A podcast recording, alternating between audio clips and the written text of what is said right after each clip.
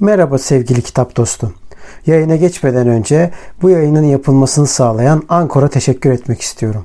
Ücretsiz olan Ankor, podcast'inizi doğrudan telefonunuzdan veya bilgisayarınızdan kaydetmenize ve düzenlemenize olanak tanıyan araçları mevcut. Ankor, podcast'inizi sizin için dağıtır. Böylece Spotify, Apple Podcast ve daha pek çok yerde sesiniz duyulabilir. Üstelik minimum dinleyici olmadan podcast'inizde para kazanabilirsiniz. Tek bir yerde podcast hazırlamak için ihtiyacınız olan her şey Ankor'da. Yayına geçmeden önce hadi vakit kaybetmeden ücretsiz Ankor uygulamasını indirin veya başlamak için ankor.fm'e gidin. Şimdi podcast'ime geçebiliriz.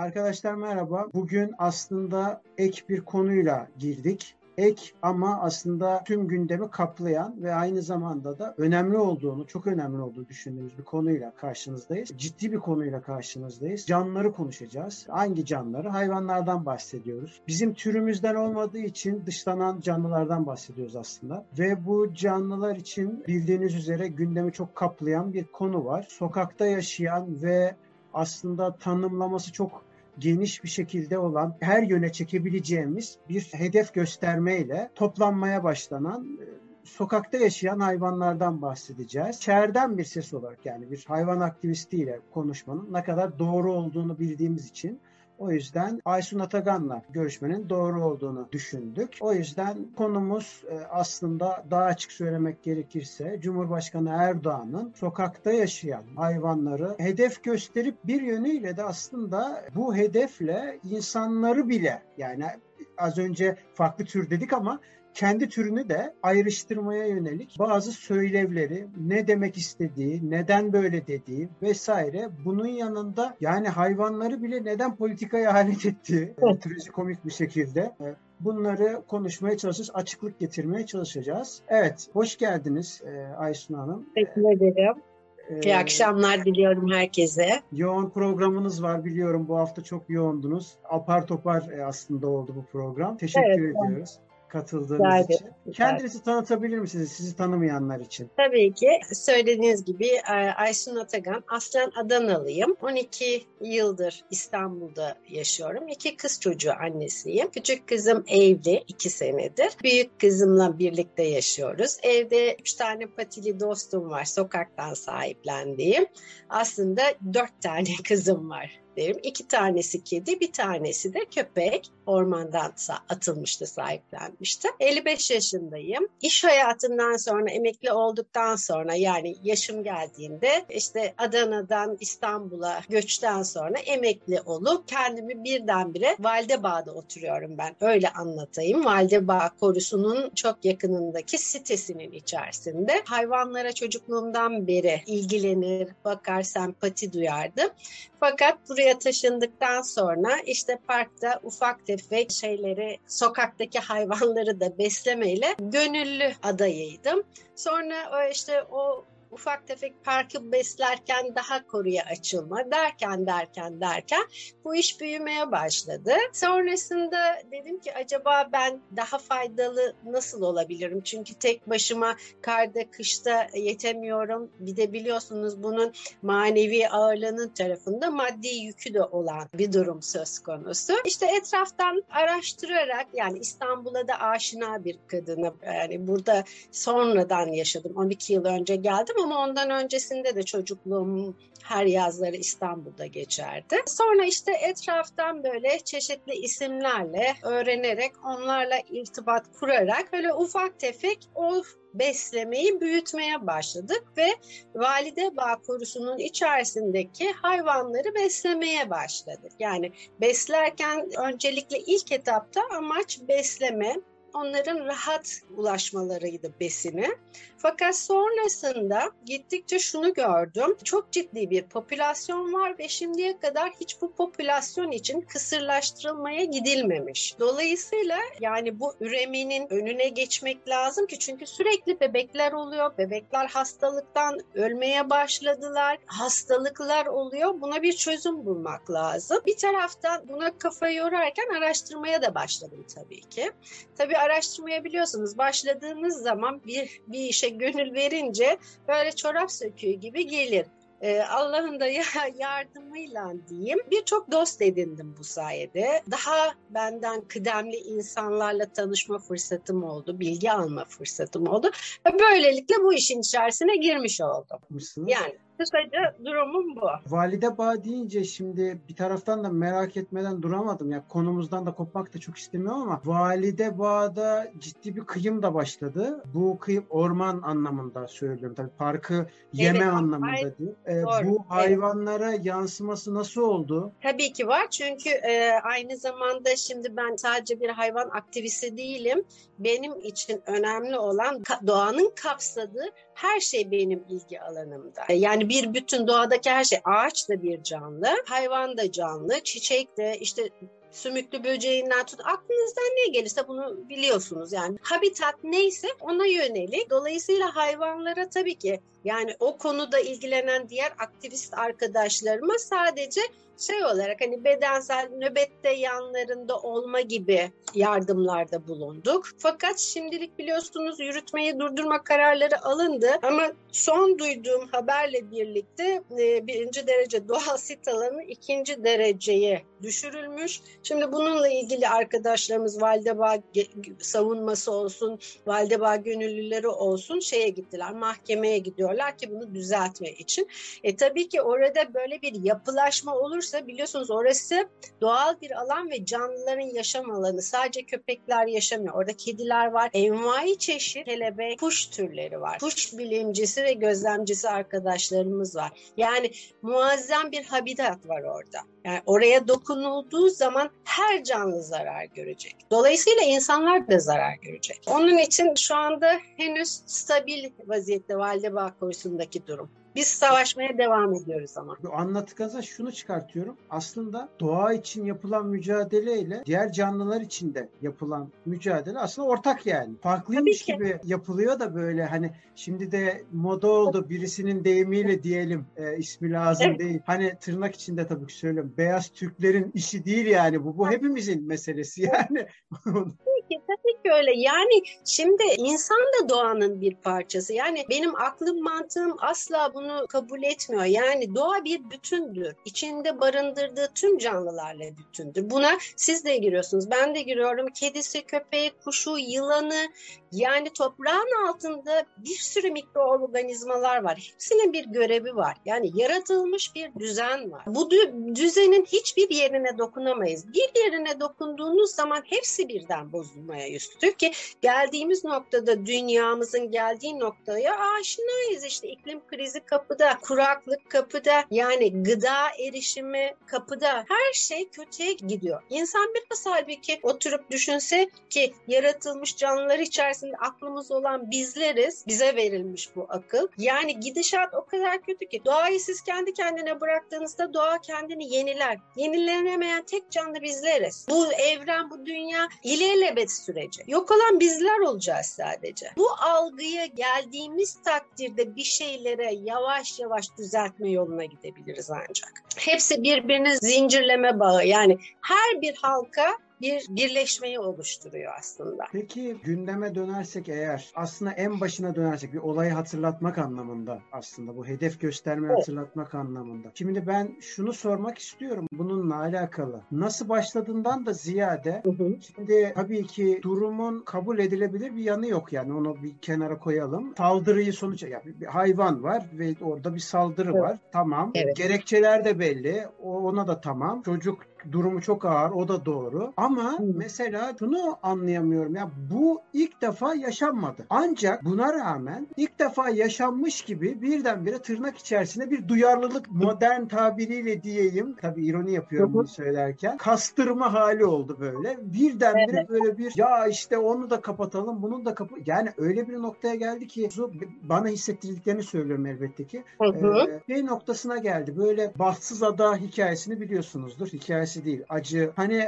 acı. bahtsız adalara diyeyim bu sefer. Bir tane ada yok da adalara 81 tane ada var diyelim. Evet. 81 adaya dağılan bir bahtsız ya bu bu noktaya geldi. Peki bu noktaya nasıl geldik? Neden bunu sizce bu, bu noktaya taşıdılar? Yani şimdi o bahtsız adanın yaşan, yaşandığı bir ülkenin çocukları olarak tekrar o noktaya gelmek bir kere son derece acı. Fakat yani bu işte Gaziantep'teki Asiye yavrucağın olayıyla gündeme gelmesi ben bunu benim kendi şahsi fikrim tamamıyla biliyorsunuz yani siyasetin gündem değiştirme çabası olarak görüyorum. Çünkü en kolay gündem değiştirilecek şeyler biliyorsunuz işte ya köpeklerdir ki bunun bence ilk noktası olarak ben köpekleri görüyorum. Yani insanlar ufacık bir şey olduğunda direkt zaten köpekleri. Halbuki etrafımızda sayısız kadın cinayetleri biliyorsunuz. Öldürmeler daha geçenlerde samuray kılıcıyla gencecik bir kadın katledildi. Yani çok vahim olaylar yaşanırken bile köpeklerin gelmesi çünkü köpeklerle ilgili azımsanmayacak bir aktivist grup var. Türkiye'de ve yani hemen bu olaya kanalize olacak, hemen örgütlenecek. Dolayısıyla ben bunu bir gündem değiştirme operasyonu olarak görüyorum. Yani Cumhurbaşkanının söylediğini evet bir talihsizlik olarak nitelendiriyorum. Fakat bunu kendisinin düşünerek değil, onun etrafındaki danışanlar ona ne nasıl bilgi verip yönlendiriyorsa o da onu söylüyor. Mesela böyle bir söylemden şu da alınabilirdi. Çünkü ilk başta söylediği bu talihsiz olayı anlatırken hayvanlarımıza sıcak barınaklar yapalım. Onların rahat yaşamlarını sağlayalım dendi. Fakat belediyelerin büyük bir çoğunluğu ki tırnak içinde şunu söylemek istiyorum. Türkiye'de 1389 belediyenin 1200 tanesinde barınak yok. Sadece Türkiye'nin Türkiye haritasını düşünün 189 ilinde barınak var. Ve bu 189 barınan da o kadar sayısı az ki iyi durumda olanları yani herhalde 10 e, parmağımızın onunu geçmez. Yani öldürülmeye götürülüyor diyebiliriz. Tabii. Ya yıllardır zaten bu yapılıyor. Bakın barınakları olmayan illerde hayvanlar toplanılıyor. Yani il dışına da inanın kamyonlarla o hani gördüğümüz e, çöp kamyonlarına falan konuyor ya götürülüyor. Toplu katliamlar yapılıyor. Zehirlenerek öldürülüyor iğneyle uyutuluyor. Zaten yapılıyor. Ama bunların hiçbiri çözüm değil. Bir yasamız var. Yasa evet çok eksikleri var. Son çıkan yasada da maalesef çok eksikler var. Ama buna da siyaset bulaşmış durumda. Yani sorgusuz sualsiz bir canlı düşünülmüyor. Herkes kendince bir şeyler, bir çıkarımlar yapma peşinde. Dolayısıyla onun için de diğer hiçbir şey gibi ülkemizin geldiği noktada bunun da elle tutulur bir yanı yok. Ama dediğim gibi yani bu pitbull olayı tamamıyla gündem yaratmak, gündemi değiştirmek biliyorsunuz bu 20 Aralık'ta olanları, yaşadıklarımızı. E bir, bir şekilde insanların ilgisi odağı nasıl değiştirilebilir? En kolay neye yoğunlaşılabilir? E işte bu şekilde olduğunu düşünüyorum ben. Peki bu ya ben bunu da çok sevmiyorum bu konuşmayı yapmayı da gündeme çekilmişken çekilen gündem üstünde konuşmak çok şey değil yani asıl konuyu değiştiriyoruz ama evet bu vesileyle açılan konu diyelim. Öyle hı hı, evet. yani. Bu yasaklı ırklardan bahsediliyor. Hı. Yasaklı ırkları sözde yasaklı ama pet shoplarda zaten hayvan satılması ayrı bir hikaye. Bir de üstüne Yine aynı pet shoplarda yasaklı ırkların da satıldığı, merdiven altlarında o türlerin çoğaltıldığı ya da yasa dışı yollarla ülkeye sokulduğu, hoş yasal olsa nasıl sokulur o da ayrı bir konu. Yani zaten yasaklı ırk. Yani eğer nereden ya, tutsak elimizde kalıyor. Bakın yasaklı ırk kelimesi de o kadar acı bir tabir ki yani yasaklı ırk bana göre yasaklı ırk insandır. Evet. Bunu hiç çekinmeden her yerde söylerim. İnsandan başka zararlı yok bu dünyada. Pitbull'ları şöyle anlatayım. Başımdan geçen bir olayı da anlatayım. Pitbull'larla alakalı ben size. Pitbull'lar işte Türkiye'de yasaklı ırk diye tabir ettiğimiz maalesef yurt dışından getirilmelerine hiç gerek yok. Burada merdiven altı korkunç boyutlarda üretilen sonra el altından dövüştürülen üzerlerinden para kazanılan bir ırk. Pitbull dünyada çocukların en iyi anlaşan, çocuklara bekçilik yapan Avrupa'da, Amerika'da gidin evlenen çoğunda görürsünüz. Ama kulakları falan buradaki gibi kesilmez onları. Yani burada o kulakları neden kesiliyor biliyor musunuz? Hiçbir sebebi yok. Sadece görüntüsü daha korkutucu olsun diye o kulakları kesiyorlar. Başka bir sebebi yok. Yani bunu da yine insan egosuyla alakalı görüyorsunuz değil mi? En uysal, en sevecen hayvanlar. Bunlar işte üretim yapılıyor ve bunu genelde hani Cumhurbaşkanımız dedi ya beyaz yakalılar diye. Bu da çok garip. Bunu beyaz yakalılar değil. Bunları sosyopatlar alıyor. İstanbul'da bir sürü semt söyleyebilirim ben size. Böyle garip tipler görürsünüz bu sosyopatları. Çünkü bunlar da ezik kişiliklerdir. O hayvanlarla kendilerini güçlü hissederler. Onun için bu hayvanları besliyorlar. Bakın ben Valdebağ'da oturuyorum dedim. Koşu yolunda tescilli kim olduğunu da biliyoruz. isim olarak da biliyoruz. Sosyal medyası da var. Fakat polis baş edemiyor ve de kesinlikle uğraşmam dediği en sonunda pitbullları üretiyor. Ondan sonra o pil Pitbull'ları aleni satıyor. Sonra koşu yolundaki genç 14 yaşlarında 15 yaşında çocukların ellerine veriyorlar. Onlarla gezdirtiyorlar ve sokaktaki şeyleri, köpekleri bu yetiştirdikleri bunları kötü şartlarda yetiştiriyorlar. Evet pitbulllar çok güçlü hayvanlar. Yani çene kuvvetleri anormal derecede güçlü. Kitlendiği zaman açmak mümkün değil. Fakat bu yetiştirmeyle alakalı. Bakın ben ikiz kız çocuğu annesiyim. Yani herhangi birisi evladını nasıl iyi yetiştirirseniz iyi olur. Kötü yetiştirirseniz kötü olur. Hayvanlar da böyle. insanlardan hiçbir fark yok. İşte şurada yatakta çocuğum yatıyor benim yani. Uyuyor. Fakat pitbulllar dövüştürülen pitbulllar karanlık odalarda tutularak tahtalara çivi çakıyorlar o çivilerle yabancı insanlar tarafından dövülerek, aç bırakılarak sonra önüne işte kedi atıyorlar, köpek atıyorlar parçalasın onu diye. Bunu yapmayan, dövüşmeyen hayvanları da sokağa atıyorlar. Bu şekilde Valdebağ Korusu'nun içerisine ben orada bir kısırlaştırma alanı oluşturmuştum. Ee, küçük bir kafes hayvanların mama odağını içerisine koyuyorduk. Oraya alıyorduk, orada yakalayıp kısırlaştırıyordum. Orada bir gün üç tane pitbull zincirle kafesin içerisine bağlanmış bir de küçük yazı var. İşte gençlik çocukların da cahilliğine bakın. Biz bunlara bakamıyoruz. Lütfen siz bakın, bakar mısınız? Bir de cep telefonu numarası yazmışlar. O cep telefonu numarasına haber geldi bana. Ben gittim. E, zincirle bağlı devasa ama yara bere içerisinde size anlatamam hayvanların durumunu. Bir şekilde ulaştık çocuklara. Annelerin, babaların haberi yok. Ne yaptıklarından haberi yok. Ve bu size dediğim işte o yasa dışı işlerle uğraşan kişinin adını verdi. O şekilde öğrendik. Biz polise şikayette bulunduk. O kafesin içerisine ben tek başıma girdim. O pitbull'un üçünü de Üsküdar Belediyesi ile çalışıyorum. Uzun yıllardır. Çok güzel bir çalışma sistemimiz var birlikte.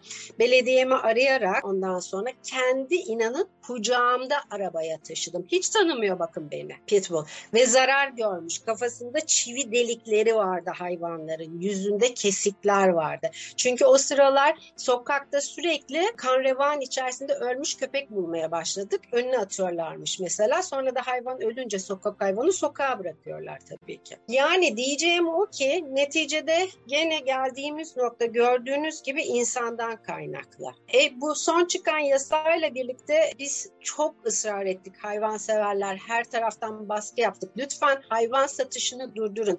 Pet shoplarda satış yapılmasın. Ee, pet shop satışlarını yasakladılar fakat şöyle bir madde kondu. Katalogdan hayvan satma. Şimdi katalogda ya bir canlı bir kere satılabilir mi? Bunu da mantığım almıyor. Yani canlı satılamaz. Satışın bir kere tamamen durdurulması. Yani bu sistemin iyileştirilebilmesi için satış tamamen duracak. Zaten popülasyon çok fazla. Hayvanlarda kısırlaştırma son hız yapılacak, kontrol altına alınacak bütün hayvanlar sahipli sahipsiz hayvanlar çiplenecek ki sahipli hayvanların çiplenmesi yapılmaya başlandı. Çünkü sokağa attığınız zaman en azından cezası olacak. Fakat cezalar da caydırıcı değil. Bu şekilde yol alarak bir şeyler yapabiliriz. Yani e, Cumhurbaşkanımız işte söyledi. Şimdi belediyeler topluyor, kıyıma gidiliyor.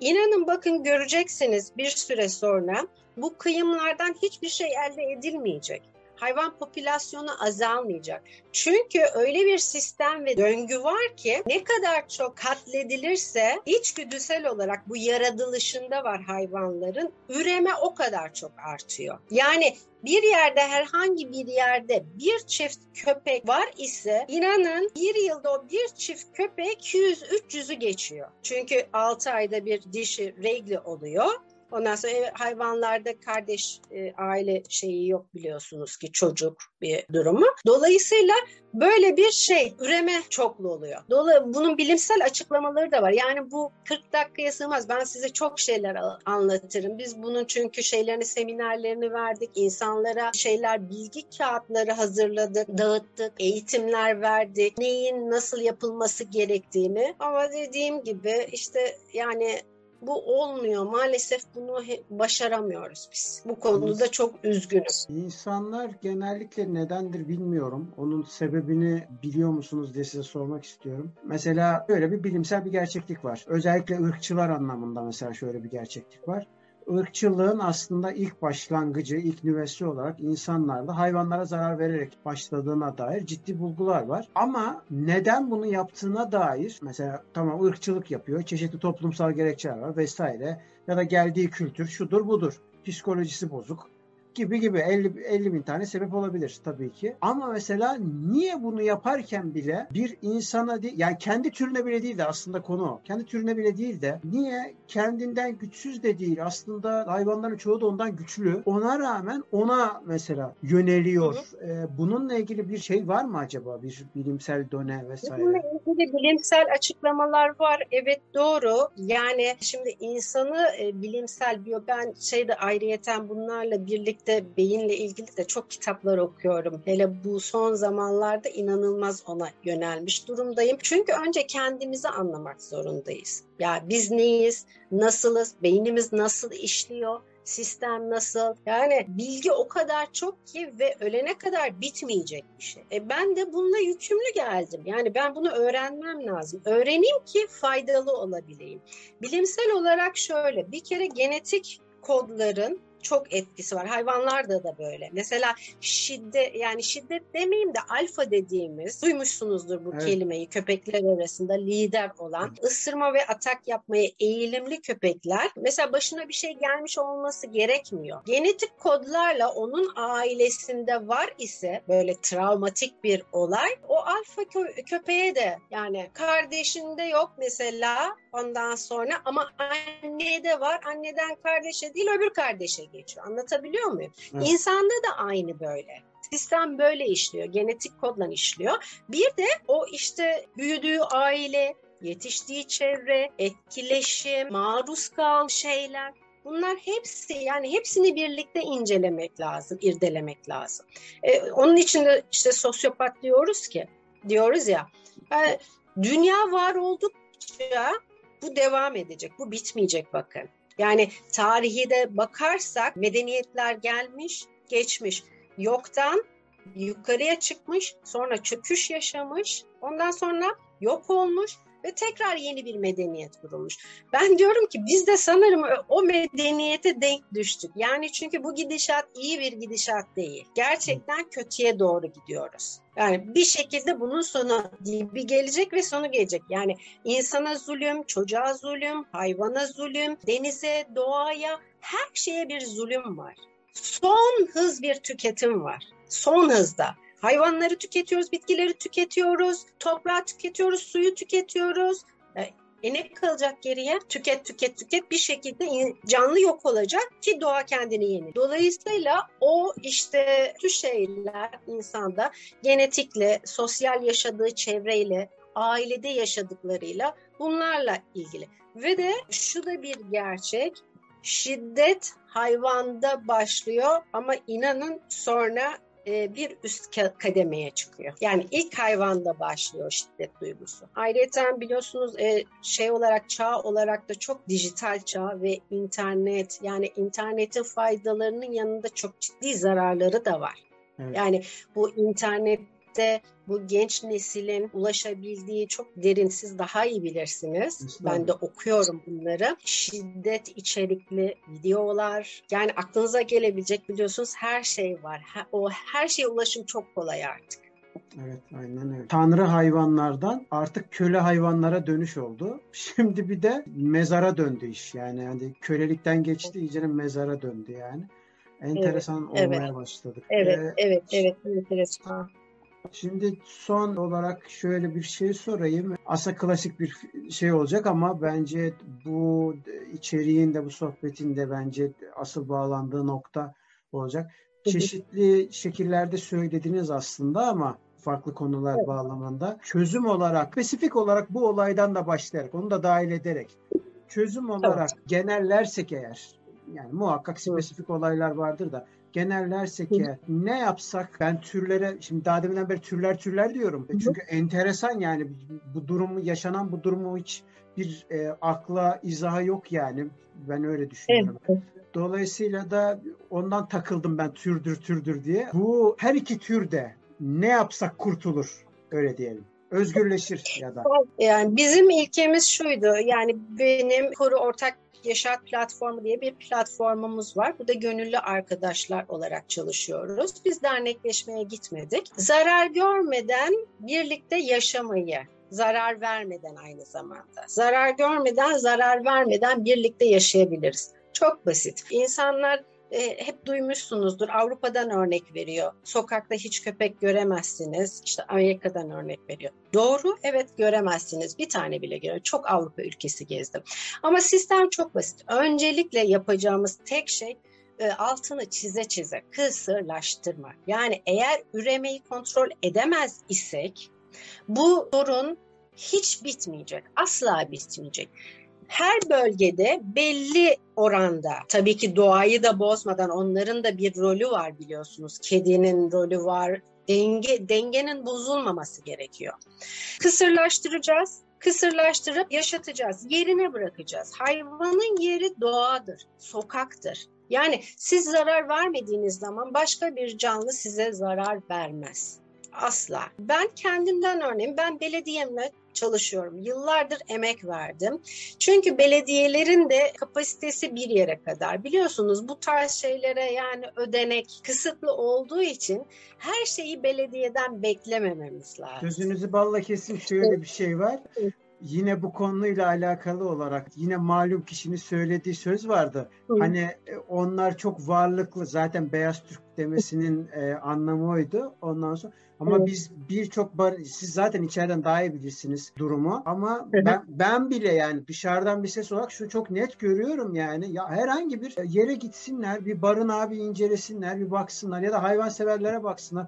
Ben Çorlu'da yaşıyorum. Çorlu'daki burada hayvan severler var. Ya gidiyor kasaba hani neredeyse yalvaracak ya şundan bir çöpe atana kadar ver de bize bir şey olsun diye yani evet. inanılmaz sefalet koşullarda ben şeyleri biliyorum kaç tane barına mesela bir tane meşhur ismini de geçireyim e, İnci annenin barınağı var Ankara'da hı hı. belki biliyorsunuzdur. Hı. Kadının evet. veterinere öyle bir borcu var ki yani aklımız hayalimiz almaz. Ya neyden bahsediyoruz biz? Nasıl bir sahneden nasıl bir nasıl diyeyim e, hüyaladan bahsediyoruz acaba? Yani enteresan, Benim çok enteresan. Ödediğim, şöyle söyleyeyim, tedavi ettirdiğim her yıl 15-20 bin lira kamlar. Ve bunları inanın gönüllüler gönüllü esasıyla kendi ceplerinden, etrafından, eşinden, dostundan yalvararak topluyorlar. Evet, evet, ha, Bunun içerisinde de bozukluklar yok mu? Tabii ki var. Ama ben onlara odaklanmıyorum. Ben ben hep iyi ve doğruya odaklanmak zorundayım. Yoksa başka türlü işimi yapamam. Yani yoksa barınaklar fevkalade olsa hanginiz hangimiz isteriz ki? Yani ben bütün gücümü buna veriyorum. Dağ bayır demeden o çamurlarda yani bir kısırlaştırma olayına bir insanlar görseler o kadar zor, o kadar zor. Öyle üfleyip hayvanı vurmak değil öyle bir şey olmuyor. Sabah altı buçukta kalkıyorsunuz öğlen saat bir buçuk ikiye kadar o hayvanların peşinde. Çünkü onlar o kadar akıllılar ki görüyorlar, belediyeyi biliyorlar, ekibi biliyorlar, tanıyorlar, yanaşmıyorlar. E onun belli bir mesafeye gelmesi lazım. Yani gerçekten çok ciddi şeyler e, yapıyoruz. E, oturduğum şeyde, e, sitede inanın iki tane davam vardı benim. Yani burada baktığım hayvanlar yüzünden bana bıçaklar çekildi, tehditler edildim, evimden kovulmakla, ev sahibimle konuşuldu. Yılmadım, mücadele ettim. Şimdi ama bana mama yardımı yapıyorlar hayvanlara işte diyorlar ki ay kulübe alsak şöyle böyle. Yani mutlaka iyi ve doğru yaptığınız şeyde evet başlangıç her şey çok kötü olabilir çok zor gidebilir ama mükafatını görüyorsunuz. Dediğim gibi yani biz de Avrupa gibi olabilir. Sokaklarımızda hayvanlarda olmayabilir ama çok iyi şartlarda. Çünkü barınaklar yaşam alanı değil. Avrupa'daki barınaklarda evet hayvanlar orada ve insanlar mecbur tutuluyor. Barınaktan başka yerden hayvan sahiplenemezsiniz. Hiçbir pet shop'ta hayvan göremezsiniz. Sadece malzemesi satılır. O kadar az ki onlarda inanın. Ama gidersiniz barınaktan sizi incelerler, sizinle uyumlu mu değil mi bakarlar. Ona göre size sahiplendirme yaparlar. Ve belli bir süresi var hayvanların orada. Sahiplenilmedikten sonra itlaf ediliyor. E bu, şimdi biz Türk'üz yani Türk milletiyiz. E Allah kitap deniliyorsa yani biliyorsunuz. E, bizim dinimizde böyle bir şey yok. Yani Allah emretmiş. Onlar da benim sessiz kullarım size emanet diyor. E biz buna nasıl yani ha, onun verdiği bir canı nasıl alabiliriz ki biz? Bunun vebali çok büyük. Onun için kısırlaştırmalar yapacağız. Gönüllüler de e, zaten gerçekten bunlarla uğraşıyor. Yani belediyelerle ama yeterli değil. Dediğim gibi yani sadece 189 belediyede neye yarar ki?